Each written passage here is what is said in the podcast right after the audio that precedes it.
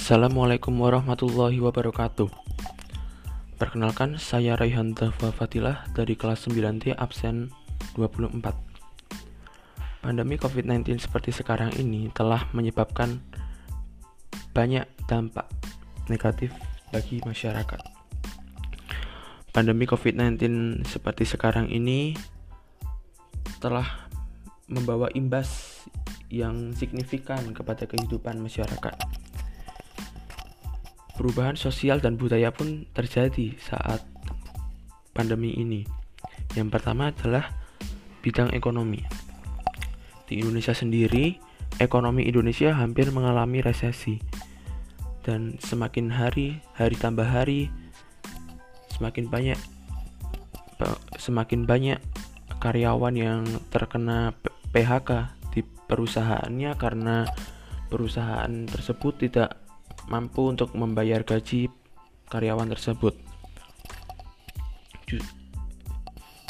Tentu hal itu sangat tentu hal itu sangat memberikan kesedihan kepada karyawan tersebut karena mereka bingung karena tidak lagi memiliki pekerjaan.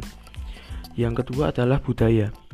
Budaya jabat tangan yang sudah lekat dengan kehidupan bermasyarakat di Indonesia justru saat pandemi COVID-19 seperti ini kita dilarang untuk melakukannya karena kita perlu berjaga-jaga karena COVID-19 tersebut virus corona menular dari orang lain ke menular dari orang satu ke orang lainnya melalui kontak fisik. Yang keempat adalah politik.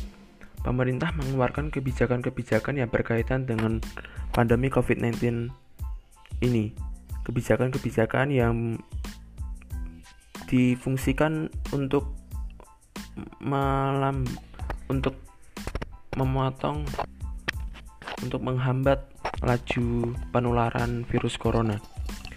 Contohnya sendiri adalah PSBB atau pembatasan sosial berskala besar. PSBB tersebut tentu dilakukan dengan protokol kesehatan.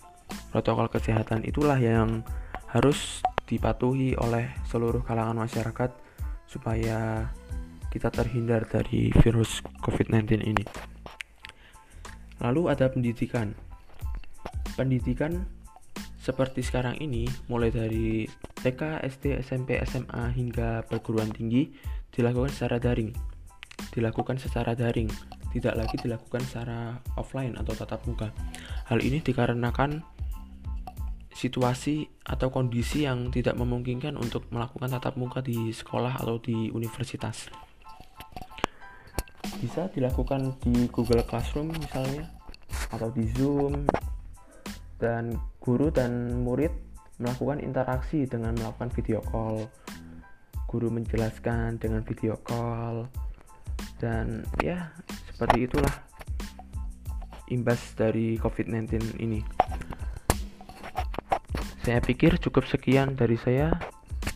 Bila ada kesalahan dalam tutur kata atau pengucapan, saya saya meminta maaf yang sebesar-besarnya. Wassalamualaikum warahmatullahi wabarakatuh.